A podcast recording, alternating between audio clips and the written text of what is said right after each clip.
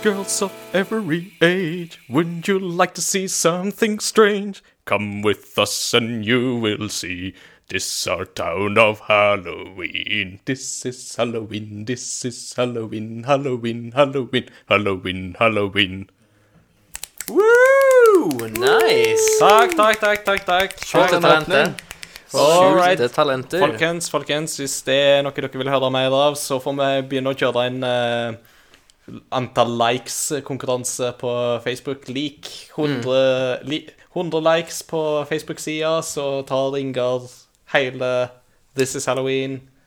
200 så tar jeg hele Bohemian Rhapsody. Stemmer det det hele? 500 så tar jeg The Trooper.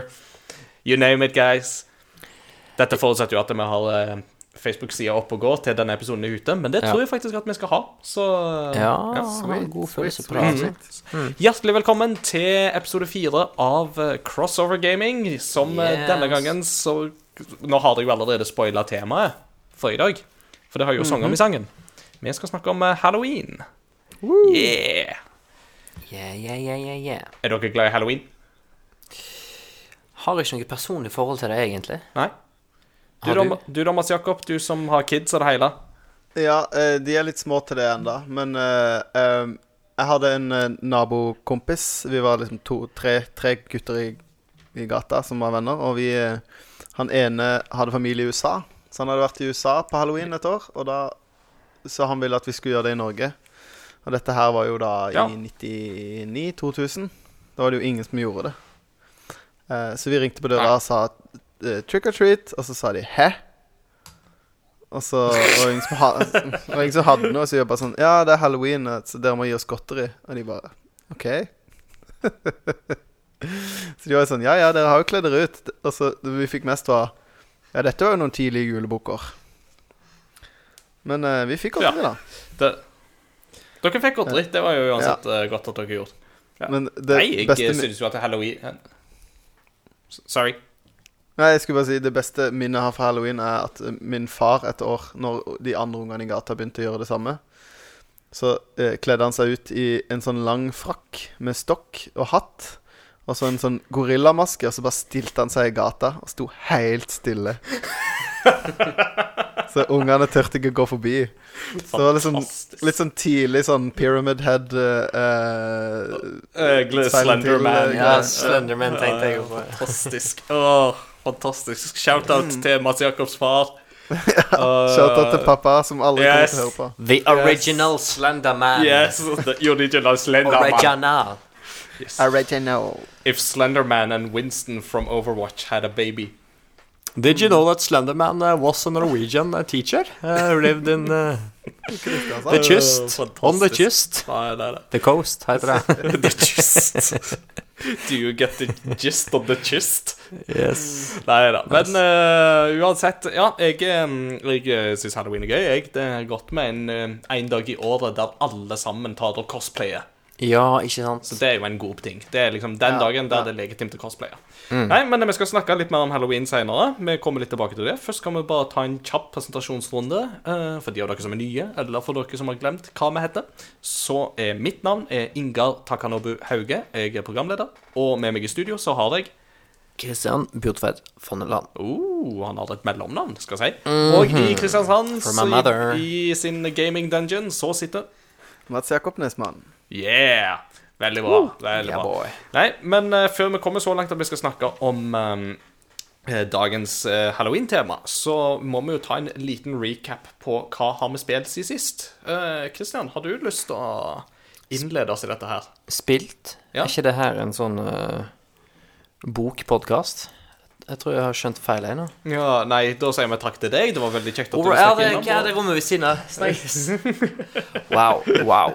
That was a good joke. Uh, nei, hva jeg har spilt i det siste uh, For um, uh, det, dere som husker litt hva vi snakket om i de tidligere episodene, så har jeg eh, spilt litt Telltales Batman-serien. Ja. Telltales sin tolkning av Batman. Eh, og da sesong to, som heter The Enemy Within. Eh, og snart ferdig med episode to. Mm, men det har gitt meg et sånt heftig Batman-kick og generelt et superhelt-kick etter å ha spilt Spiderman. Oh, Um, nice. Så jeg har kjøpt og lasta ned uh, denne remaster-versjonen av Arkham Asylum, Batman, og Arkham City. Oh. Og så har jeg òg kjøpt og lasta ned ja, Arkham Knight. ja. eh, har gjennomført eh, eh, Gjennomført Arkham Asylum. Eh, spilt litt Arkham City, men så ble jeg så gira på å hoppe tilbake til eh, Arkham Knight. Og jeg har spilt det spillet før, når det, jeg spilte det når det kom ut i 2015, og da fikk det litt sånn Det fikk gode anmeldelser, men var ganske blanda. Eller folk følte seg litt skuffa, for de følte sånn at helhetsmessig at det lå under forgjengeren. da Mm, og forgjengeren var jo legendarisk bra. Mm. Eh, men jeg syns det spillet er så vanvittig kult, og tre år seinere fortsatt veldig, veldig stilig. Um, Spiller du det på PC? Nei, jeg spiller på konsoll, faktisk. Ja, Det gjør du nok lurt i. Ja, For den PC-versjonen var jo en, et kapittel i seg sjøl, det, Ja. da det spillet kom ut. da, eh, der gikk det vel så langt at eh, Warner Bros. tilbød eh, folk å få igjen pengene sine. Det stemmer. Og altså, de, selv et halvt år etter at spillet var lansert, så funka PC-versjonen fortsatt fryktelig dårlig for altfor mange. Og da sa Warner Bros., som jo ga ut spillet, at vi tilbyr folk pengene tilbake for PC-versjonen. Vi oppfordrer de til å ta de pengene, fordi at vi kan ikke garantere at dette blir fiksa noen gang. Og- det, det er for dårlig. Det skal jo sies at Rocksteady, som står bak den Batman-serien her, Mm. og utvikla spillet, de gjorde ikke PC-versjonen. Den ble outsourca til noen andre. Ja, det er riktig. Og, og de varsla jo ganske tidlig til Warner Bros. at uh, folkens PC-versjonen funker ikke. Den, uh, den kommer til å ha alvorlige problem. Og Ja. Warner Bros. bare Nei, vi bryr oss ikke. Få det fiksa og gi det ut samtidig med alle de andre versjonene. Ja, prøvde liksom bare å presse det Ja, så det var, det, det var en skikkelig dårlig avgjørelse av Warner Bros. Altså. Ja. Absolutt. Um, um, hvis vi skal gå litt inn på Arkham Knight, da, Ja. så um, er det nok et mer actionorientert Eller det har Ja, jeg føler det stapper mer action inn i det spillet her da enn i de tidligere. Litt mindre detektiv og litt mindre um, strategi og mer hardbarka action. Eh, og da får du egentlig understreka når eh, Ganske tidlig i spillet Okay. Eh, For ehm, eh, Gotham er da under en sånn eh, Ja, de er under en bombetrussel, da. Det er det som er liksom Da får du vite helt i starten av spillet at Scarecrow han eh, truer med å spre den her eh, fair toxin sin eh, med hjelp av bomber over hele byen. Så da starter spillet med at, at folk evakuerer. Så du eh, som Batman er så å si alene i byen med politi og bad guys. Og eh, så å si ganske tidlig i spillet, nesten helt i starten, så eh, går Skal du bort og hjelpe en politimann som blir angrepet av bad guys, da. Eh, og så når du har liksom Når du har tatt eh, eh, disse bad guysa, så står du og snakker med en politimann, og så kommer plutselig en sånn armored vehicle kjørende i full guffe og prøver å kjøre på deg. Ja, stemmer. Og nesten sånn Ja, tanksaktig. riktig. De har noe sånt Ja. bad guys i, Ja, i det spillet. og da tar Batman tak i en politimann og tar den her grappling-hooken sin og liksom skyter seg opp på et tak og rekker det akkurat da uten å bli påkjørt. Mm. Så lander de på taket, så liksom lemper han fra seg han her eh, politimannen. Snur han seg sånn på vei ned igjen til den bilen her, som har maskingevær og hele greiene. Og så han sivile karen bare What are you doing? Are you crazy? Du, du kan jo ikke banke en bil, liksom. um, og så bare Så svarer Batman bare I'm evening the odds. og så eh, står det Press L1 to even the odds. Så trykker du L Trykker du L1, og da hører du bare sånn Og så kommer Batmobilen kjørende full guffin. Eh, så hopper Batman ned, lander oppi Batmobilen, og idet han liksom kommer oppi, så tar Batmobilen en sånn 81 håndbrekksladd, og så stopper felgen på hjulet rett oppi Yes. kameraet. Og så ser du den Batman-logoen inni felgen. Åh, det- Så er det bare Oh Det er så bra fanservice, det der, altså, Ja. at det er helt fantastisk. Men mens, mens vi er inne på halloween Siden halloween er tema i dag Ja. Du nevnte for meg i stad, Ingar, sånn uh, behind the mic, en opplevelse du hadde. Yes, yes. Altså, for at det, det er jo Én ting er jo spill som i utgangspunktet er skumle. Da går du jo inn med en forventning om at du skal bli skremt. Men Batman Arkham Knight har klart å skremme livskiten av meg. Og det er jo i utgangspunktet ikke et horrorspill. For der er det jo da sånn at du, du låser opp liksom nye deler av byen etter hvert og får utforska litt mer. Uh, og på et tidspunkt så var det liksom da at jeg brukte denne her um, gripekloa til å fyke mellom hustakene og gleide og sånt. Og så skulle jeg opp på toppen av et hus, og idet jeg bikker Altså opp av en skyskraper, og idet jeg bikker liksom kanten, så kommer plutselig Manbat fra Batman-serien, som da er en mann med flaggermusgener som har blitt mutert. Sånn at han ser ut som en kjempestor vampyrflaggermus. Og idet jeg bikker hustaket, da, så kommer Manbat og bare «Aah!» Skriker i trynet på deg. Og jeg datt av sofaen og skreik. For da, du, du får ingen forvarsel om at det kommer til å skje.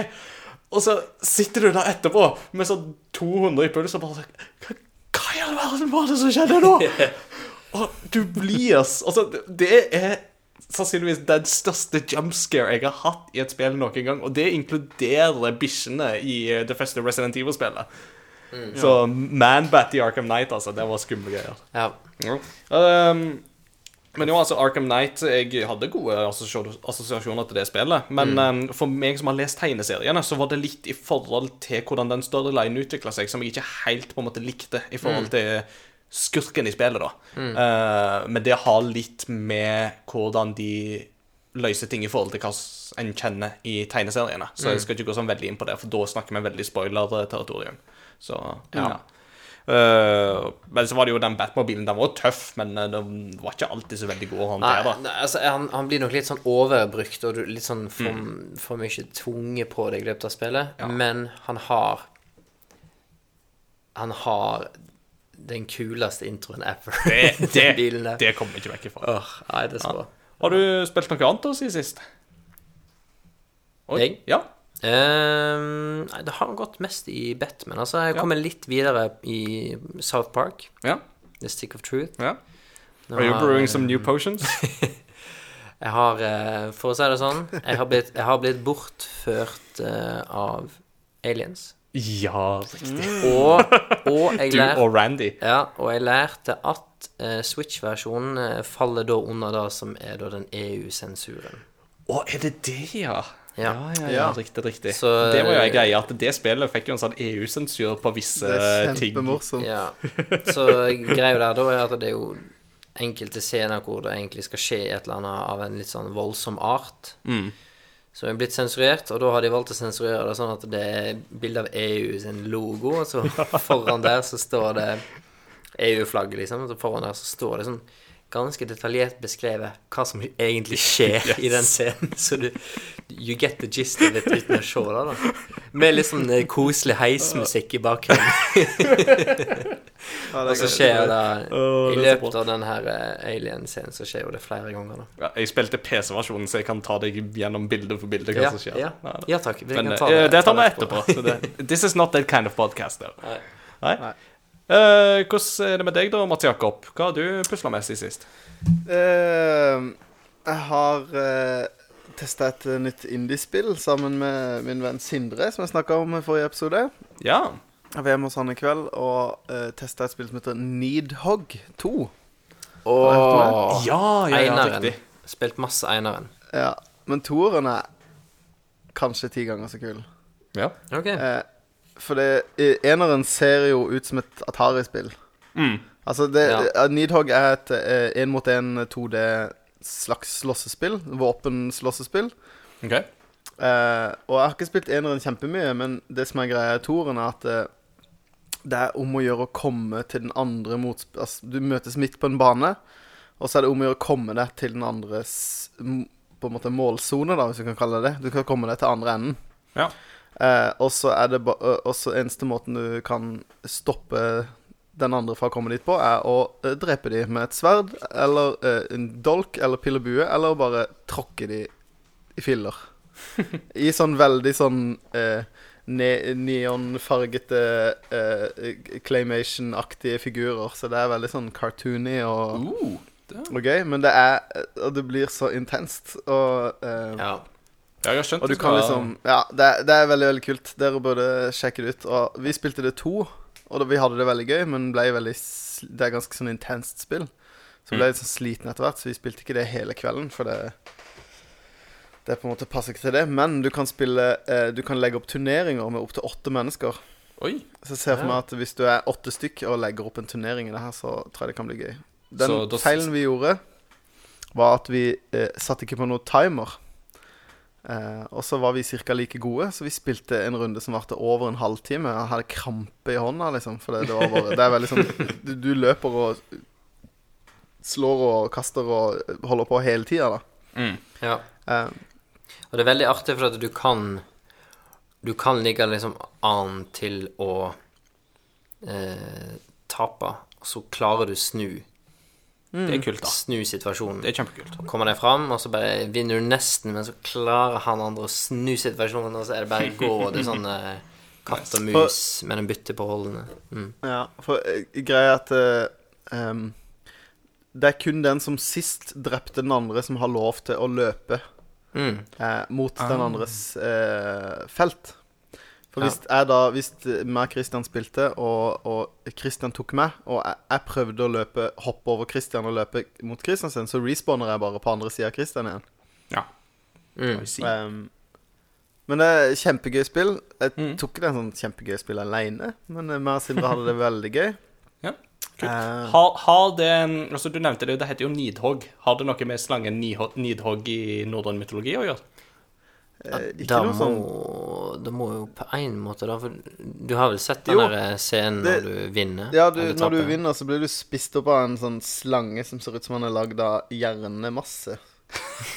Ja, vel sånn Det høres veldig- uh, Det ut spillet er ganske Det er ganske sprøtt. Mye Ja. av det som eh, Mye av liksom gimmicken i spillet. Men, eh, mm. men eh, nei, det, det var veldig gøy. er, det for, er det fortsatt rave-musikk i toeren, sånn som i eneren? Ja, det er ganske crazy. Hele greia er veldig sånn neon, og det, det er Mm. litt sånn eh, Ja, det er overgrep på sansene til tider. Ja. Uh, det er Intenst. Ja. Uh, så jeg har spilt det, og så har jeg spilt mer Pokémon. Ja. Kort, da. Eh, kort, ja. Og så begynte jeg å spille litt uh, Plukka opp igjen litt Sun and Moon på eh, 3DS. Ja. Så Ja. da tar du turen til Alola. Ja, jeg spilte, jeg spilte fem timer av det spillet når det kom. Mm. Og så følte jeg at det var fem timer med, med liksom tutorial eller sånn åpning. Mm. Og det var så mye prating, og det var så mye sånn Det tok så lang tid, da. Så jeg ga litt Ja. opp. Og så når jeg plukka det opp igjen, så innså jeg at å, jeg var jo akkurat ferdig med måte den åpningsbiten. Så når jeg kommer meg til liksom den første an neste øya du drar på, som øy nummer to, liksom Mm. Så når du booter det opp igjen, så var det bare dukka det bare opp en gif med Anakin fra Star Wars episode 3 som sa 'This is where the fun begins'. Jeg lånte jo den 3DS-en av deg altså, Ja, når du skulle til Japan. der. Ja, og jeg hadde eh, samme følelsen, jeg òg. Nå kom ikke jeg så langt som du tydeligvis burde komme, da. Ja, Men, og det kan hende jeg eh, brukte lang tid òg. Den åpninga varer jo sikkert ikke i fem timer. Men det var det fila mi sto på, da, så jeg har sikkert lagt fra meg 3DS-en litt. Og, er det sånn. Jo, men det kan være min save du har fortsatt på nå, da. Eh, Nei, nei, det er ikke det. For det var mine, mine Pokémon. For det du Jeg husker du slett Du spilte på, på jeg, had, jeg kjøpte det digitalt først. Og så kjøpte jeg det eh, brukt Ja. på nett veldig billig etterpå. Du spilte på det fysiske spillet, og jeg har spilt på det nedlasta spillet. Så det er ikke samme save-fila. Ikke sant. Det er jo praktisk. Mm. Nei, så jeg spilte det lite grann. Og så har jeg eh, endelig fått meg en VHS-spiller, så jeg har sett masse, Oi. masse VHS-er. Så Wow. meg og guttene mine hadde en, en eh, Jeg tror det var på, på lø- lørdags formiddag, tror jeg det var. Så satt vi og så, så vi tre Pokémon VHS-er, og vi så på Wow. Flintstones, og ja, vi koste oss, vi. Du, så, Så det var veldig gøy. er det din første VHS-spiller? Det er, det er min barndoms VHS-spiller. okay. Wow, funker Ja. fortsatt? Ja, det er mamma og pappa sin VHS-spiller. ja. Som jeg fikk det, gravde han fram fra skapet. Det er jo imponerende. Jeg lurer på om de Pokémon-VHS-ene hadde plass til to episoder på én VHS. Stemmer Det det? stemmer, det. Ja. Det er så lite. Det er ganske lite. Ingenting, vet du. Og de episodene er jo 15 minutter. 20-23 minutter. De varer nesten en halvtime, ja. Ja. Og så er det jo okay. liksom Ja. Så er det jo med Pokémon-rapp og Ja, ja, ja, som Og- etter hvert ble ulovlig fordi det var markedsføring for barn og Ja. Nei, det er ikke den, det er ikke den rappen. Det er jo den der eh, Jo, kanskje det er den. Det er den Jo der når de på en måte De rapper 50 Pokémons navn. Ja. Ja, 150 Ja, Pokémon. Så synger de eh, sånn Gotta catch 'em, gotta catch 'em Gotta catch them all, gotta catch them all, Pokémon. Yeah, Men, men har du òg den der um, Hvilken Pokémon er dette? Ja, Ja, det òg er med. Og det òg måtte de jo kutte. For at, uh, Ja. altså, I Norge så måtte de kutte de tingene fordi det var, de mente at det brøt med markedsføringsloven mot, uh, mot barn. At det Ja, men- til at barn måtte liksom uh, kjøpe. Ja, men du, du må ikke de, Det de måtte kutte ut fordi de, Jeg husker det veldig godt, fordi de sa De sa de, sa, 'Hvilken Pokémon er dette?' Og så 'Ja, dette er Mankey'. Og så sier de 'Ja, for du vet jo at du må fange alle sammen'. Og liksom sånne ting. Og det var det de måtte kutte ut. Selv om Ja, der, eh, dette er med, men det var den derre Du vet jo at du må ha riktig. alle og Ja, riktig. Nei, så det Men det som òg er kult, er at eh, de origin... Altså TV-reklamene for Gameboy-spillerne er med på de VHS-ene. Så jeg ble nesten mer Wow. nostalgisk av å se liksom den derre eh, Det var en reklame jeg husker veldig godt, hvor det sitter en fyr Mm. med Gameboyen sin, og så eh, pop, hopper Pikachu ut av skjermen, og så er det en annen i blokka på sida som også spiller, og så eh, kaster Pikachu linkekabelen over, og så klatrer Pokémonene mellom Ja, ja, ja, Balanserer de på ja, jeg husker. linkekabelen Ja, ja, ja. over. Uh, og liksom, ja. Åh, the nostalgia is real. Og da sier de jo liksom Ja, du, du må jo ha begge spillene for å fange alle sammen. Jeg ble jo lurt trill rundt av det. Jeg kjøpte Jeg, kjø, jeg hadde rød og blå da jeg var liten. Det var de to eneste Gameboy-spillene jeg hadde. Hvis, jo- hvis vi har, eh, har Facebook-sida oppe og går til denne episoden er ute, så får vi se om vi kan legge ut en lenke til, til den.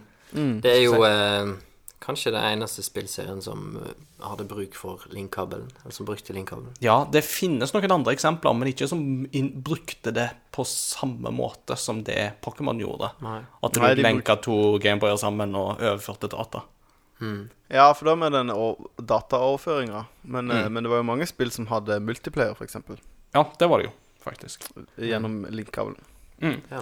Ja, nei, men eh, kult. Kule greier. Hva har du har spilt i det siste? Du, jeg har vært i Nå har jeg jo faktisk begynt på to uker ferie denne, denne veka her. Ja. Så det er jo skikkelig chill. Eh, men eh, vi innleder da den Jeg får det jo til å høres så negativt ut, noe det jo ikke er, men vi innleda ferien min med at vi dro i barnedåp til, til vår nye nevø.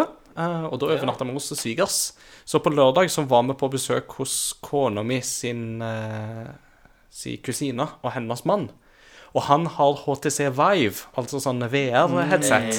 Så vi brukte ganske mye tid på å spille gjennom en del VR. Så nå skal dere høre. Nå skal dere høre, For nå har jeg notert i den eh, jeg notert i den fine notatboka mi, vet du.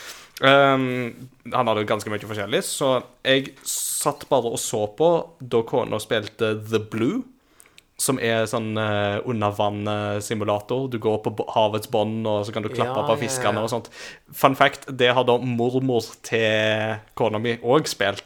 Og hun er sånn noe 70 pluss, men hun, hun er den kuleste 70-åringen jeg vet om, for hun tar sånne teknologiske utfordringer på strak arm, og det er bare sånn Altså, hun må jo bare prøve. Det er liksom hennes eh, holdning til det. Så det er holdningen, altså. Så det var The Blue, det satt jeg bare og så på. Og så testa kona òg noe som heter Ricky's Plank Experience. Som da- Det er ikke noe med Nei, Rick det and har ikke noe med Rick and Morty å gjøre. Han hadde det VR-spillet òg, men det rakk jeg ikke å teste.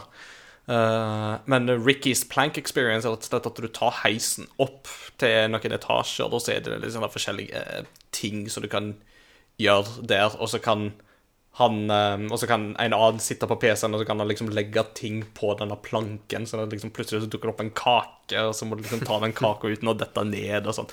Og det torde jeg ikke å spille, for det var sånn plutselig så detter du ned, og så detter du 100 meter, så rett ned mens du har sånn vi- virtuelt headset eh, på. Så jeg, for meg så høydeskrekk, nei takk. Nei. Men uh, jeg testa fire spill sjøl, og der, da testa jeg Fancy Skiing.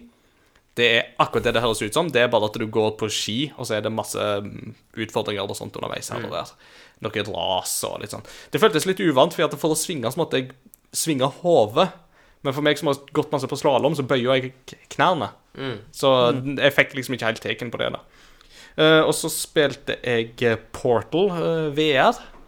Ja, Som da er en Ja, som er Altså, det er jo Portal-settingen. Du er i Aperture Laboratories, men du er Du har ikke en portal gun likevel. Så derfor så føles det litt rart. Men du har en sånn teleporte instant teleporteringsdevice i den ene hånda, som du da teleporterer deg sjøl med. Og så har du en sånn gravity gun, basically, i den andre hånda, som trekker til seg kuber og sånne ting. Og så skal du løse puslespill med dette her, da. Ja.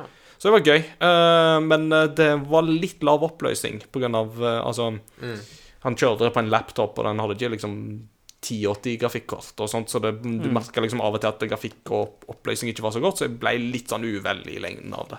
ja, da er det vel ofte at frames er for lave. Og, Ja, og oppløsning òg blir litt Ja. for lav, så Men det, det Portal VR hører da til den her The Lab som eh, Valve ga ut? det tror jeg kanskje at den gjør. Jeg er ikke sikker. For da var det en sånn eh, kickoff eh, VR-greie som For det er jo Valve som har laga HTCs Nei, laga Ja. Vive sammen med HTC. Ja, det er riktig. Så det kan stemme at eh, det er en del av det. Og så spilte jeg eh, Superhot i VR. Ja, eller å, da tror jeg- Superhot. Det tror jeg er fett. Og det er et konsept som funker veldig bra i VR. VR. Uh, for, konsept, ja, for konseptet i Superhot er jo det at det er sånne røde polygonmenn rundt omkring som uh, du da skal, skal ta oss og skyte. Men tida går bare når du sjøl beveger deg. Så du kan bruke veldig lang tid på å planlegge, og så dukker du under kuler og sånne ting.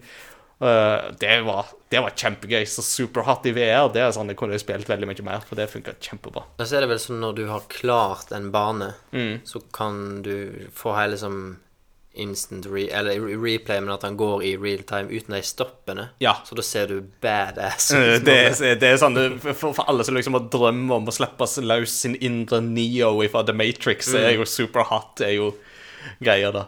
Ja, og så når du da tar sånne time trials og sånn, så kommer den der ikoniske stemmen med Super Hot. Men det gøyeste spillet, det var Beat Sabers. Ja. Ja.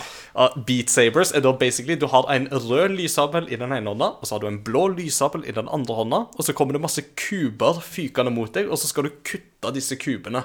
Og så står det sånne piler på dem, så du må kutte dem i bestemte retninger og sånne ting. Og noen ganger så kommer det sånne vegger mot deg med sånn virtuell støy.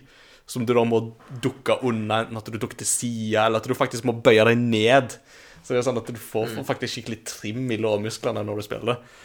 Og det er jo sånn for alle som liksom liker sånne musikkspill og sånt. ja, så for det er her det er der. med musikken, med beatsen i musikken. Så det var kjempegøy. Jeg eh, tok, tok ikke lang tid før jeg prøvde en av sangen på hard. Og det var sånn der, eh, Ja, det var utrolig gøy, altså. Så Beat Sabers, det er definitivt en sånn go to-tittel hvis du har et eh, bra PC-headset eh, med VR-headset. Jeg tror, jeg tror det Beat Saber har allerede begynt å få et ganske stort sånn miljø for um, For jeg tror det går an at folk kan legge inn egne At de kan lage banene sjøl Ja, låter. ja, sånn. jeg lurer på om det er noe sånn at du kan du modde inn stor- egne sanger og ja, sånt. Ja. Så du, de som er bra der, da, de bidrar jo til et ganske stort bibliotek Ja. av sanger. Ja, og for, for, for utgangspunktsbiblioteket er ikke så veldig stort, og det er jo bare originale sanger, så det er jo liksom, men jeg ser jo for meg at det er mange sanger der som hadde vært veldig kule å spille. Så. Utover det så Thomas Torget i Beat Saber. eh, Utover det så har jeg uh, Jeg har spilt ferdig Spiderman på PlayStation 4. ja. Uh, det var veldig, veldig gøy. Det hadde jeg fått platinum på. Ja, så det var, Yes, jeg tok det 100 måtte det. alle duene. Ja, eh, og det var Jeg og Christian har jo snakka litt om det, liksom snakka litt spoilers og sånt, men det var veldig kult på slutten. Altså, det er Historien der tar en retning på slutten som er ganske sånn wow. Um, hvis, jeg får lov å, hvis jeg får lov å pitche bloggen min i denne instansen der For Ja, det. jeg, um, jeg skriver jo for Game Reactor, det har jeg jo nevnt før. Men i tillegg til det så har jeg òg en blogg som heter World of Ingar. Uh, ja, den kom i wow-tida. Det var da jeg oppretta bloggen. Uh, og da er det sånn at hvis det er spill jeg har spilt, men som ikke er ting jeg anmelder for Game Reactor, så skriver jeg ofte om det der. Så hvis folk vil lese om Spiderman, så hva jeg syns om det, så kan de sjekke World of Ingar. Og så har jeg i dag spilt ferdig Persona 4 på Oi. PlayStation Vita. Ja. Yes. Så det var veldig gøy å komme seg gjennom det òg, og det er fantastisk. Ja, ja, ja, ja absolutt. Uh, femmen er nok fortsatt en personal favorite Mm. hos meg på de fleste områdene, men firen òg har sin sjarm, altså, og er Ja. kjempesolid underholdning. Ja, det, det gikk ganske mange år mellom fireren og femmeren i den serien der. Ja, det gjorde det, fordi at fireren kom jo egentlig til PlayStation 2 i 2008 eller 2009 eller noe sånt. Det kom ganske seint til PlayStation Ja. 2. Uh, og så kom den hvite versjonen som jeg har spilt i 2012-13-ish. Og det er jo Golden, basically samme eller Ja. Golden. Ja. Persona 4 Golden. Basically samme spillet, men litt pussa opp og litt sånt. Mm. Og så kom jo da Persona 5 her til Vesten i 2017. Ja. Eh, Da hadde det vel blitt sluppet i Japan året før, tror jeg. Så hvis vi da liksom tenker 2008 til 2016, så er jo det åtte år imellom der. Mm. Så det er ganske lenge. Det er det absolutt. Mm. Så det var det jeg har spilt, og nå har jeg ferie, så etter hvert så blir det Red Dead Redemption 2 og litt sånt. Så det skal bli veldig, veldig Og. John Williams-konsert i London. Og John Williams-konsert i London, ikke minst. Det gleder jeg meg veldig til. Ja, absolutt. Mm. Vi skal ta en uh, bitte liten eh, pause nå, og så når vi har hatt den, så kommer vi tilbake og snakker mer om dagens tema.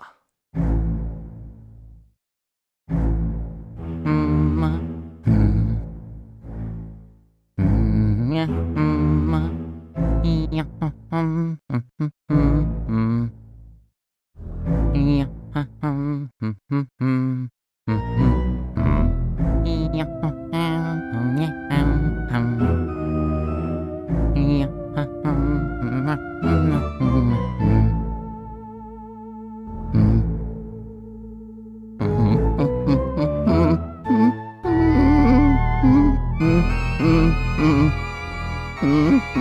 er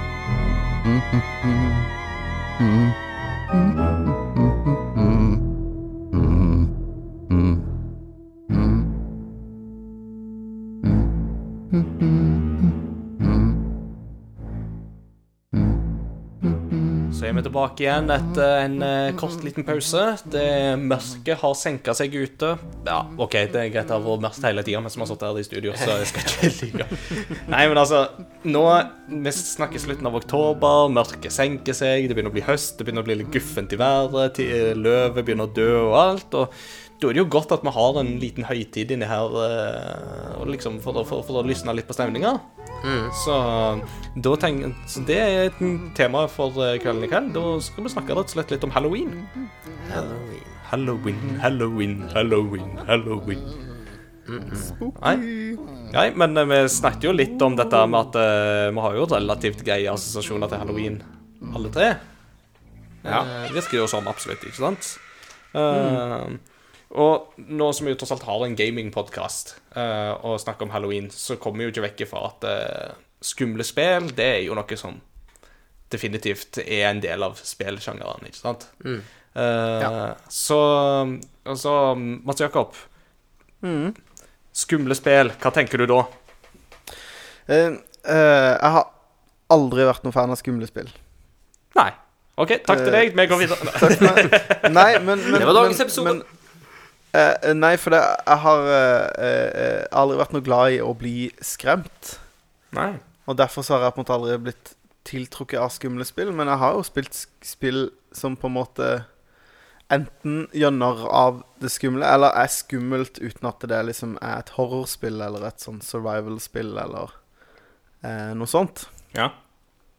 Eh, for eksempel eh, eh, Jeg syns jo at når, jeg var, når jeg begynte å spille Majora's Mask, så syns jeg til tider det var veldig skummelt og litt sånn Ja. eerie og ubehagelig, og du merker at det er et eller annet sånn off med hele den verdenen, da. Mm. For det kan du Eh, definitivt ha den, ha den følelsen. Mm. Ja. Så det er mer sånne ting har jeg syntes har vært kult, men jeg har liksom aldri aktivt oppsøkt eh, skumle spill, da, som er litt sånn mørke, og jeg vet jo folk som liksom spiller Resident Evil VR med liksom alt lyset slått av og liksom full ja. Oh. ja, det, Jeg, jeg syns det virker så vemmelig. Jeg er ikke noe glad i skrekkfilmer og sånne ting. Oh. Men uh, det, det jeg forbinder med halloween og spill Mm. uh, jeg tenker Det første jeg tenker på, er jo Banjo Kazooie, som har en egen oh, sånn jeg òg tenkte på Banjo Kazooie. Som har en egen verden som heter uh, Mad, Monster, Manor. Mansion. Eh, Mansion, tror jeg det er. Eller er det er det Mansion? Ja, det er, ja. Det er Mad ikke- Monster er det iallfall uansett. Ja. Hvor du da kan bli gjort om til et gresskar. Yes. Så derfor så blir det veldig ja, ja. halloween. Mm. Og eh, det er sånn gigantisk kirke hvor du driver og hopper rundt på orgelet, og det er sånn spøkelse som spiller på orgelet og sånn. Mm. Så det er litt sånn eh, Det er jo ikke skummelt skummelt, men Men det har den der halloween-følelsen likevel. absolutt. Og det, det har jeg mer sansen for. Ja, På samme Eh. måte sånn som for eksempel den A Nightmare Before Christmas-filmen, da, som jo var den jeg tok og eh, sang litt på i åpningen. Så er jo det jo mer sånn der på en måte gir på en måte referanser til halloween som konsept, og på en måte det er liksom stemninga rundt det, mer enn på en måte mer sånn bø. Ja. Og det er litt sånn det forholdet jeg har til halloween òg, at det er liksom Det skal være gøy. Mm. Og så de som syns det er gøy med dritskummelt, de De oppsøker det, og de som syns det er gøy med på en måte konseptet liksom spøkelser, eller sånn, men litt sånn, sånn som halloween er blitt, da. Mm. Um, og jeg tenker òg også på liksom spøkelseshuset i Mario 64 og Mm. eh, I Conquer's Bad Fur Day så kommer du jo til et slags sånn der Du kommer til sånn Dracula Ja, mansion. Ja, det er jo der du kan bli sånn eh, vampyrflaggermus og Ja. angripe stakkars eh, landsbyboere. Ja. Så det, det er litt sånn sånne ting jeg tenker på da. Og sp- spill som jeg på en måte syns har vært litt sånn Ja, spennende. Altså Ja. Typ sånn eh, å drive og farte rundt i hulene i, i Skyrim har jeg tenker jeg på i sånne sammenhenger, da. At det er litt sånn skummelt, og du vet ikke hva som kommer rundt neste hjørne, og det er litt sånn Demoner og gjenferd og zombier og skjeletter og Mm. Og så må vi jo ikke glemme Luigi's Mansion. Ja. Det, Det er faller jo absolutt inn i den kategorien. Ja, for at det er jo defin... Altså For meg så er jo det òg et sånt spill som er en sånn ehm, Det er et sånt spill jeg kunne satt meg ned med nå, og det passer jo veldig godt at uh, det kommer ut på 3DS nå i disse Ja. dager, faktisk. Eh, så, men altså, det er jo sånn spill som passer veldig perfekt å ta fram i sånn halloween-tider, fordi det er jo litt sånn det er jo spøkelser, og det er sånn haunted house og hele pakka der, men det er jo veldig uskyldig likevel på samme tid, og det er jo ikke akkurat sånn veldig sånn skummelt sånn sett. Det er mer mer den der med at det, det er mørkt, og du går og jakter på spøkelser, men en gang du finner de, så er de litt sånn rare, og så går du rundt med den der poltergust-støvsugeren som du får av Professor Egad. Fortsatt et fantastisk navn. ja. Åh. Men det, det, det er en boss i det spillet som faktisk er creepy, og det er jo den der kjempebabyen. Ja, det er sant. Den Nei, babyen som når du blir sånn Ah, det er sykt creepy. men, Men det er creepy det, bare fordi det er liksom et babyspøkelse. Det er jo ikke greit. På en måte. jeg tenker at det er creepy fordi det er baby, ikke fordi Mm. det er spøkelse. Ja, det kunne vært en kjempebaby. Ja, ja altså, altså, det er sånn, du, altså, du, Bare gi meg en baby i real life, så er jo jeg kjemperedd, jeg òg. Altså, for en helt normal baby. Ikke sant? Bare sånn, what, what am I supposed to do with this thing? Så, det, så den dåpen du har vært det var en, en sånn halloween Det var sånn halloween, ja. ja, ja. Nei, men altså, jeg sier jo det at uh, for oss som um, Altså, for, for, for, når, når en blir onkel, så han- er det jo sånn når vi bærer barna til dåp, så, jo, så sier jo presten, ikke sant, at eh, en fordeler et hellig ansvar, og det sier jo jeg òg da. Så, mitt ansvar som onkel er jo da, som presten, altså for å ta det fra presten, å be for barnet, lære det selv å be, og å lære det forskjellen på Marvel og DC. Så det, det må vi absolutt kalle et hellig ansvar i den sammenhengen. Eh, men Christian, skumle spill hvis vi pitcher ballen til deg. Hva Ja, altså Jeg er jo heller ikke så veldig glad i å bli skremt, så det er vel kanskje derfor jeg eh, aldri går inn på badet og stiller meg på badevekt. Se! Wow! Hey! Vent, vent, vent, vent, vent, vent. Jeg har tenkt på den vitsen ganske lenge nå. Oh. Don't quit Det your day job. Ja. Ja. Ja, det var take fire. Som vitsen.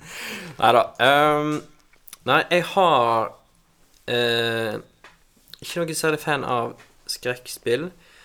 Uh, men jeg har spilt ett ehm, Jeg vil kalle det skrekkspill i nyere tid, som jeg har spilt for da jeg likte veldig godt et spill tidligere i samme serie. Mm.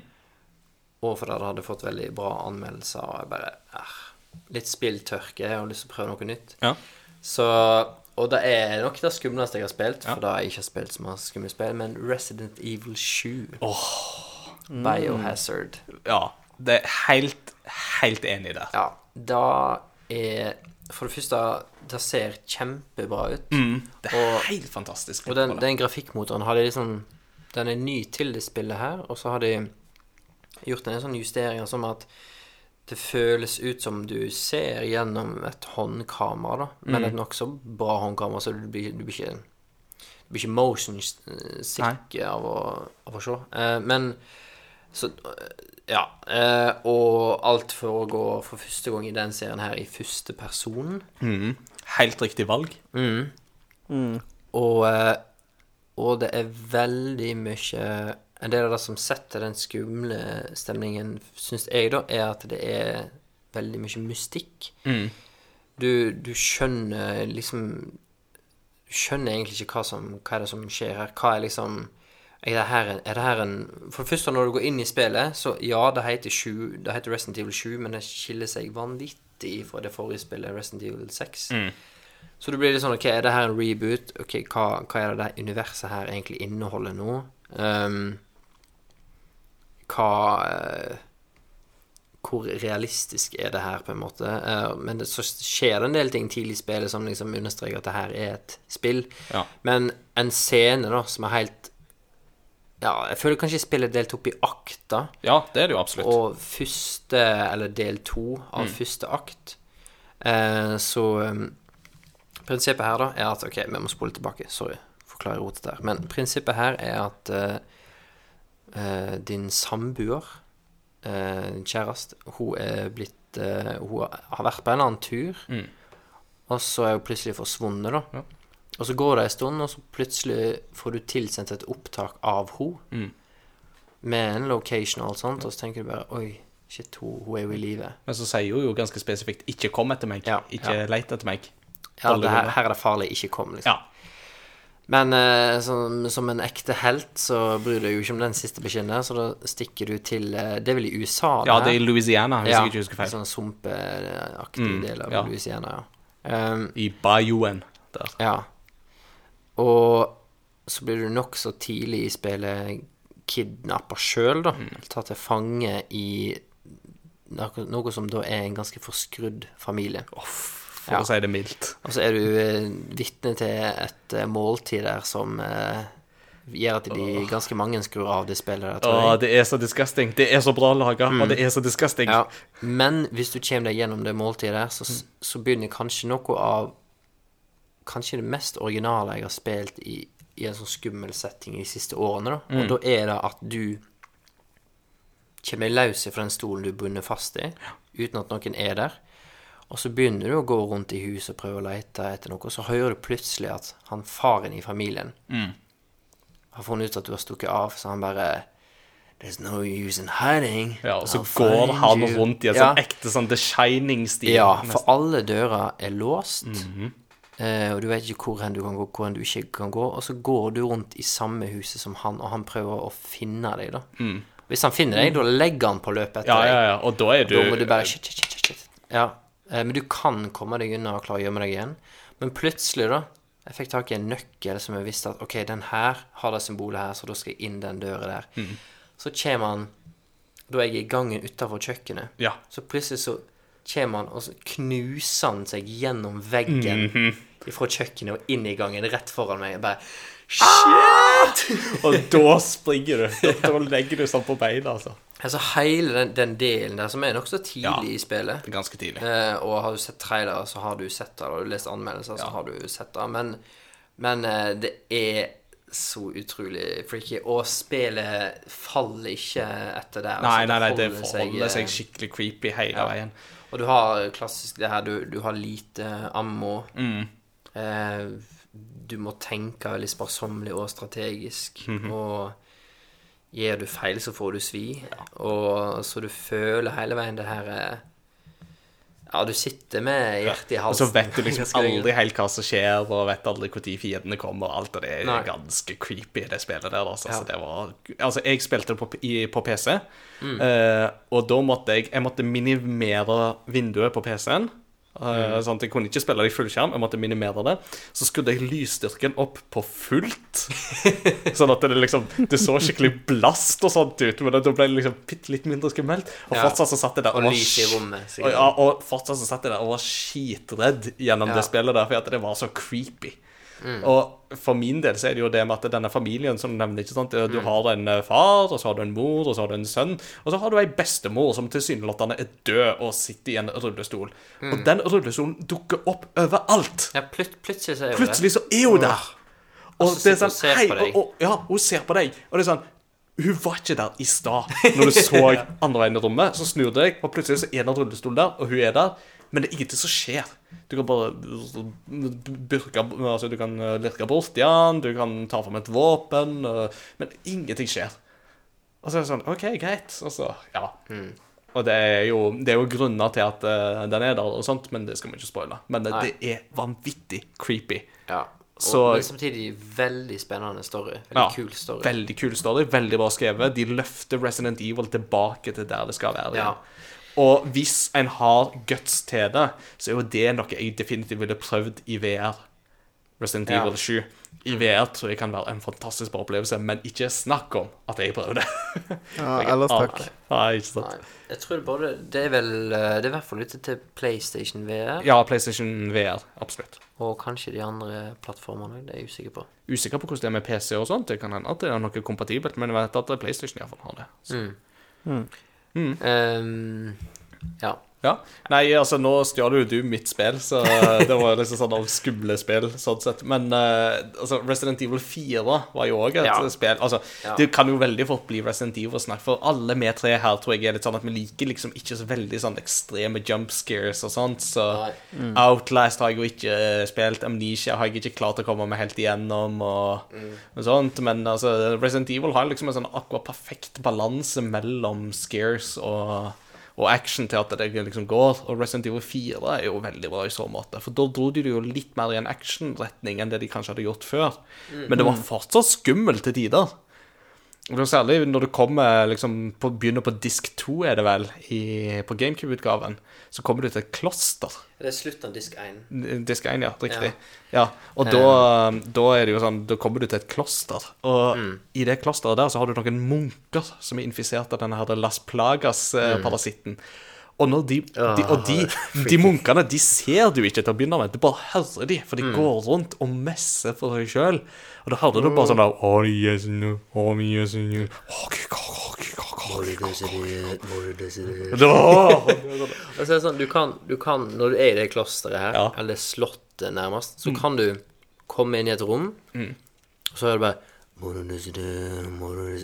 Men du ser det ikke. Så bare, Nei. Hvor, hvor, hvor er de igjen? Og så bare OK, der er, der er han. Der er han. Og så liksom OK, jeg klar til å ta han. Og så går det litt sånn, så hører du bare gå, gå, gå. Og så bare Shit, han er bak meg! så det var det en til. Å, så guffet. Å, det er skikkelig guffete, altså. jeg, Jeg skal ta og finne de lydeffektene her, og så legge det på i bakgrunnen.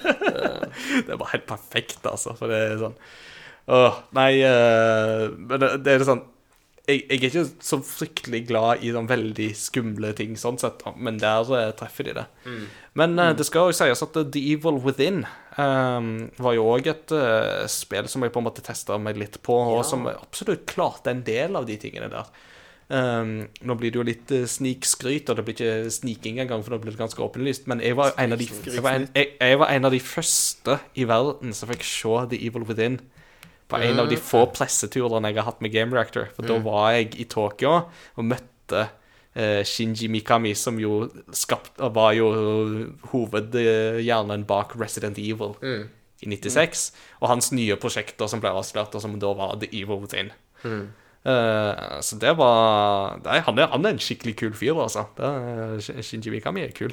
Han må være en som har veldig masse mareritt. Ja. liksom Nei, men altså, det er jo noe der, ikke sant? Altså. Japanere er jo veldig glad i skrekk som sjanger, og det har jo noe med at Kaidan Banashi, eh, som er en sånn japansk sånn skrekk... Eh, folklore, nærmest. Det er på en måte en sånn etablert del av folkementaliteten og sånne ting.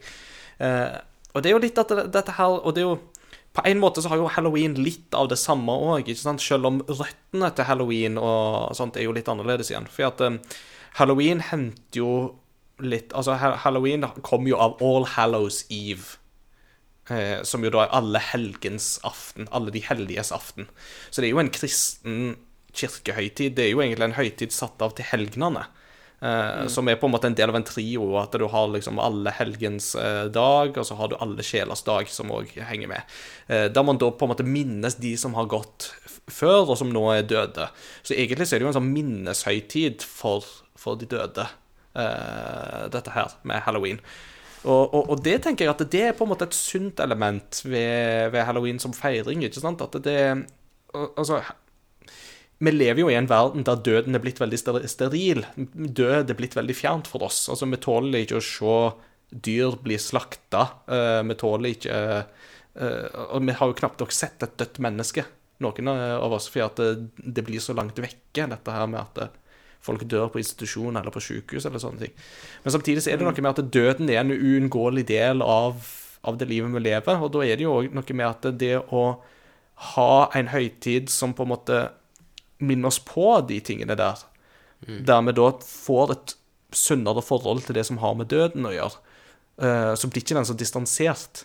Og så er det jo samtidig også noe med det der med at det gir en inngangsport til på en måte det der med å bli skremt og sånne ting, men så er det jo òg det med at eh, vi har monstre i Altså, monstre i spill, for eksempel, har jo en veldig god funksjon. ikke sant? For at monstre i det virkelige liv de er ikke alltid så på en måte sånn, De er ikke alltid vampyrer eller spøkelser eller zombier. Noen ganger så er de kjipe lærere, eller de er slemme folk på skolen, eller de er på skurker Altså monstrene vi møter i våre liv, er ikke så eh, enkle å få has på. Men da er det nettopp godt at vi har noen monstre, noen fantasimonstre som vi på en måte kan gyve litt løs på.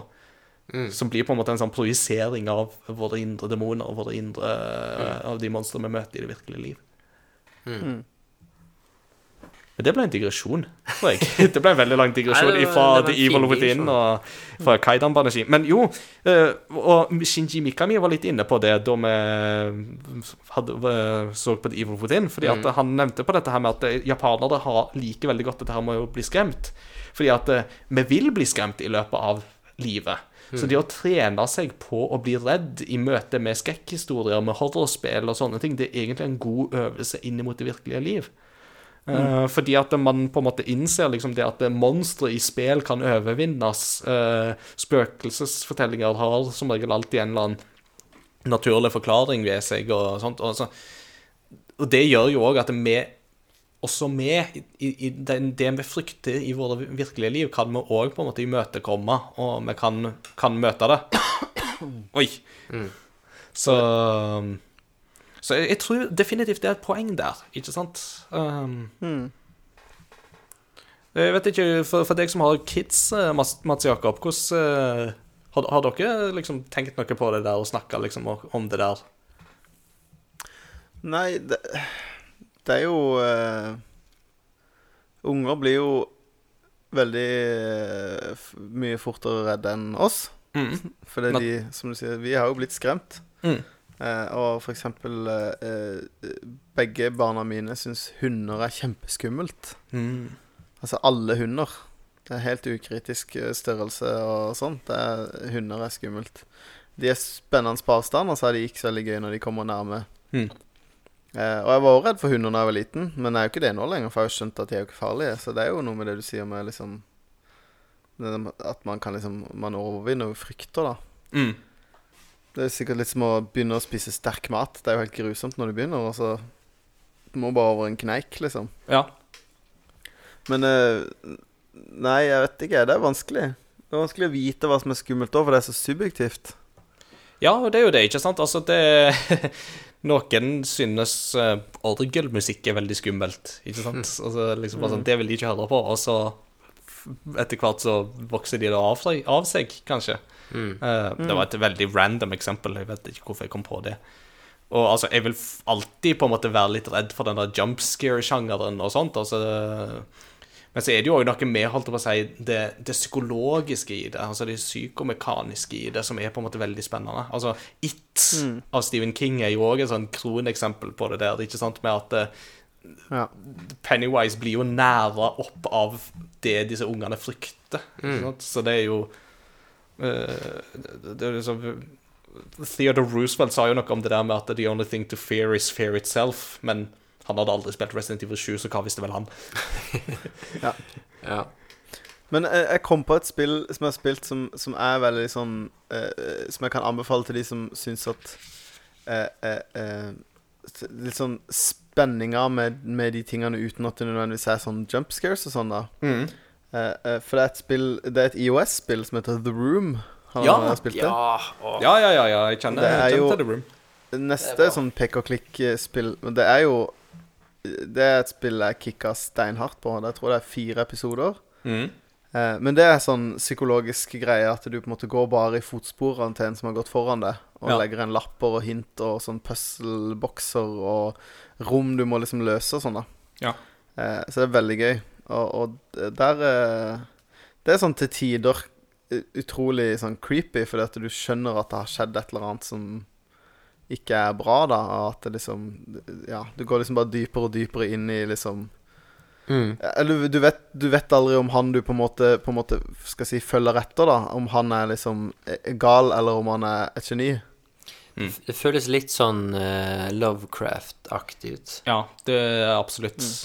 Og Ja. da er det jo sånn Skal, skal, vi, skal vi nevne da litt for folk som ikke er kjent med HP Lovecraft? HP Lovecraft. Altså, jeg skulle jo gjerne er liksom gitt altså, jeg, skulle, jeg skulle gjerne gitt en dyp presentasjon av Lovecraft-universet, men jeg har lest altfor lite direkte Ja. av Lovecraft, Ja. så det er mer, altså, jeg kjenner det mer via ting som har blitt inspirert av Lovecraft Ja, igjen. ja uh, men, men det er, jeg, jeg føler um, Men altså, Lovecraft er jo veldig mye dette her med at du, du Altså, du har jo Elder Gods, ikke sant, som er på en måte sånn at det er skrekk og kaoskrefter, mm. mer eller mindre, med Kutulu i spissen. Ja, Kutulu er et eh, veldig viktig stikkord der. Ja, ja, ja. Og så det er litt sånn Det er litt sånn um, slange- og blekksprut-aktige monster som på en måte er litt av estetikken. Og så er det vel òg at det er litt sånn eh, Britannia 1700-1800-tallet. Ja, det er jo sånn gotisk ofte- ofte inspirert. Ja. Altså, Bloodborne er jo et godt eksempel på veldig Lovecraft-inspirerte Ja. spill, som jo Ja, og kan absolutt være veldig creepy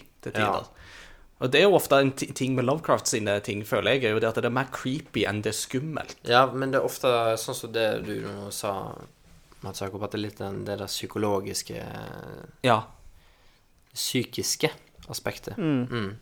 Men jeg får litt sånn eh, eh, samme vibber av, av Bioshock, for eksempel. Ja, Iallfall de mm. første to spillene. Det er ting, spill som jeg egentlig Jeg hadde egentlig skrevet de ned. Men uh, der er det jo litt sånn du kommer til en litt sånn dystopisk, uh, apokalyptisk verden hvor det har skjedd et eller annet voldsomt, og så går du egentlig bare og prøver å nøste opp i det som skjer. mm. Så blir du møtt av litt sånn creepy zombie-monstre. ja, ja, ja, det kan absolutt være creepy i sånn sett, altså. Men så tenkte De er ganske på creepy, de der, de der små jentene. Ja, det er Det er- i ja. Little, i Little Sisters. Det er de Ja, det er guffent, ass. Don't fall behind, Mr. Slowpoke. Nobody likes slowpokes. Altså, men um, uh, når, når vi snakker om film uh, Hvis en går liksom, drar litt sånn film inn i dette her òg, um, så er det jo det filmmonsteret som jo kanskje fortsatt den dag i dag skremmer meg mest, det er jo Xenomorph fra Alien-filmene. Ja. Ja. Og det Altså, Alien uh, Isolation, spillet som kom ut for et par år siden, det er jo et sånt spill jeg har egentlig ufattelig lyst til å spille det. Fordi det ser virkelig ut til å fange den alien-følelsen. Men det er nettopp fordi den fanger alien-følelsen at jeg ikke tør å spille det. Ja. Fordi at Xenomorphen er det, det, altså det er et sånt filmmonster som definitivt skremmer meg den dag i dag. altså. Og særlig med hvordan de filmene er bygd opp, og hva Xenomorph som Altså hva denne alien-monsteret representerer av de underliggende mm. psykologien. Det er jo veldig mye eh, seksuell innuendo, for eksempel, inn i, eh, i, lagt inn i designet på det monsteret, for eksempel, som er på en måte veldig spennende. Ja. Kan, kan jeg få lov å, å bare stille liksom et litt sånn eh, Litt sånn avslutningsspørsmål rundt et tema her? Ja. Um, hva, hva er det Hvis det har en sånn tydelig tematikk, en sånn klassisk ting som dere er redd for, hva er dere redd for? Jeg kan, For å komme med et eksempel, da. ja, hvis vi Jeg er helt siden Jeg tror det ble kicka ordentlig i gang når jeg så Deep Blue Sea som liten. Jeg, jeg vokste opp nede med fjorden, har bada i sjøen hver dag om sommeren i hele livet. Men jeg er livredd dypet. Ja.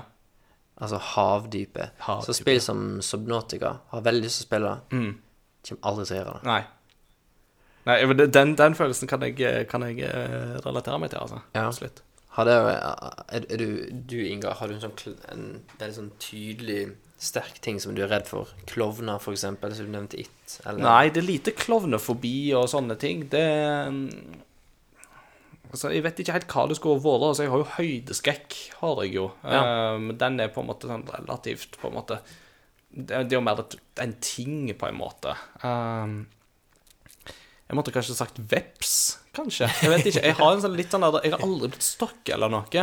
Og jeg er ikke der jeg var når det gjelder hysteri hvis det er en veps i nærheten. Men kommer en veps litt for nært, da blir jeg skikkelig Da, da, da, jeg skikkelig engstelig, altså.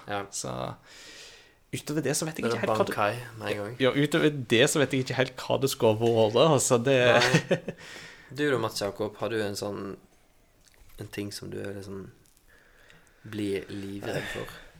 Ah, det er ikke noe sånn monster eller noe sånt, men uh, uh, jeg syns eh, Jeg tror noe av det jeg syns er skumlest i hele verden, er konflikt. Ja.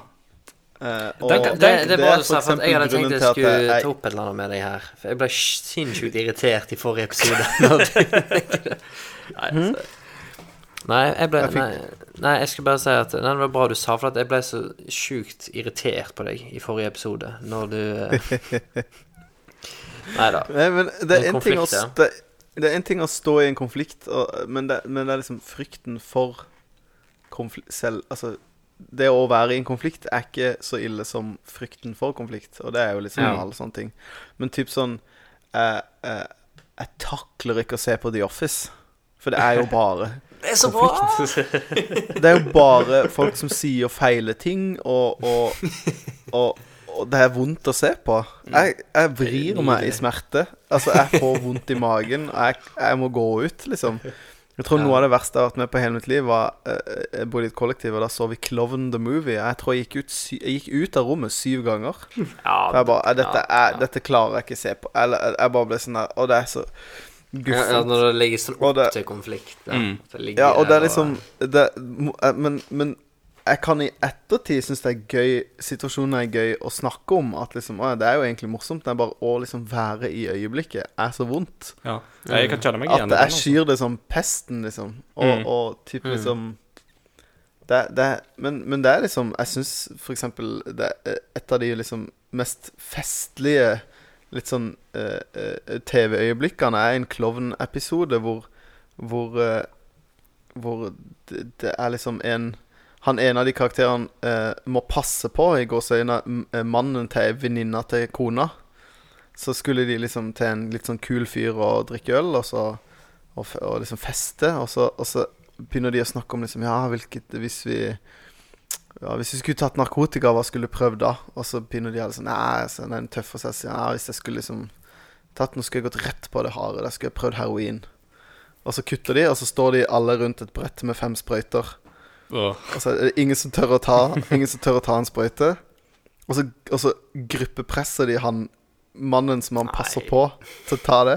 Og det er så guffent, og det er liksom øh, Og så når da de øh, kommer hjem Det som er, mors det som er morsomt, er jo at da liksom eh, eh,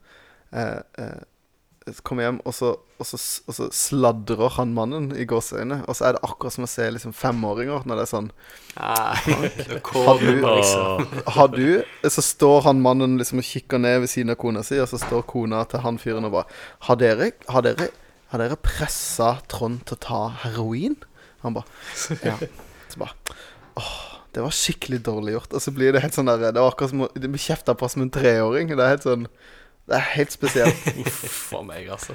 Men, men å, å se den episoden for meg var noe av det skumleste jeg har gjort. egentlig. Åh, nei, men Men jeg, jeg syns det situasjonen altså. Jeg syns det er morsomt. Men det er helt sånn forferdelig å være med på. Nei, men jeg kjenner det igjen. Jeg er kjempekonfliktsky sjøl, så jeg Mm. skjønner den der veldig godt. Eh, jeg kom på da et par ting, og det det at eh, det ene er det at jeg, er, jeg har fortsatt et snev av telefonskrekk som jeg ikke blir kvitt. Ja, okay. Åh, Jeg, jeg, jeg syns det å snakke i telefon, det, det for meg så er det en utfordring. En Ja. dag i dag, altså. Så det er sånn På jobb og sånt òg, så er det sånn der «Øh, Kan du ikke sende meg en e-post?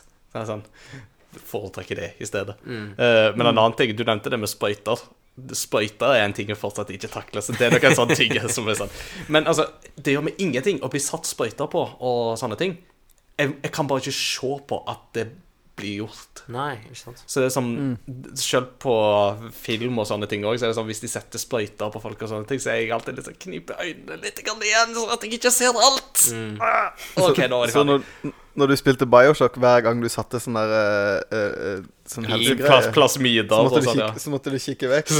Faktisk i, ja, faktisk i Bioshock så gikk det greit, for at det var fortsatt litt sånn kar karakteristisk grafikk på det. Sånn. altså, det var, det var såpass distansert fra virkeligheten at det gikk greit.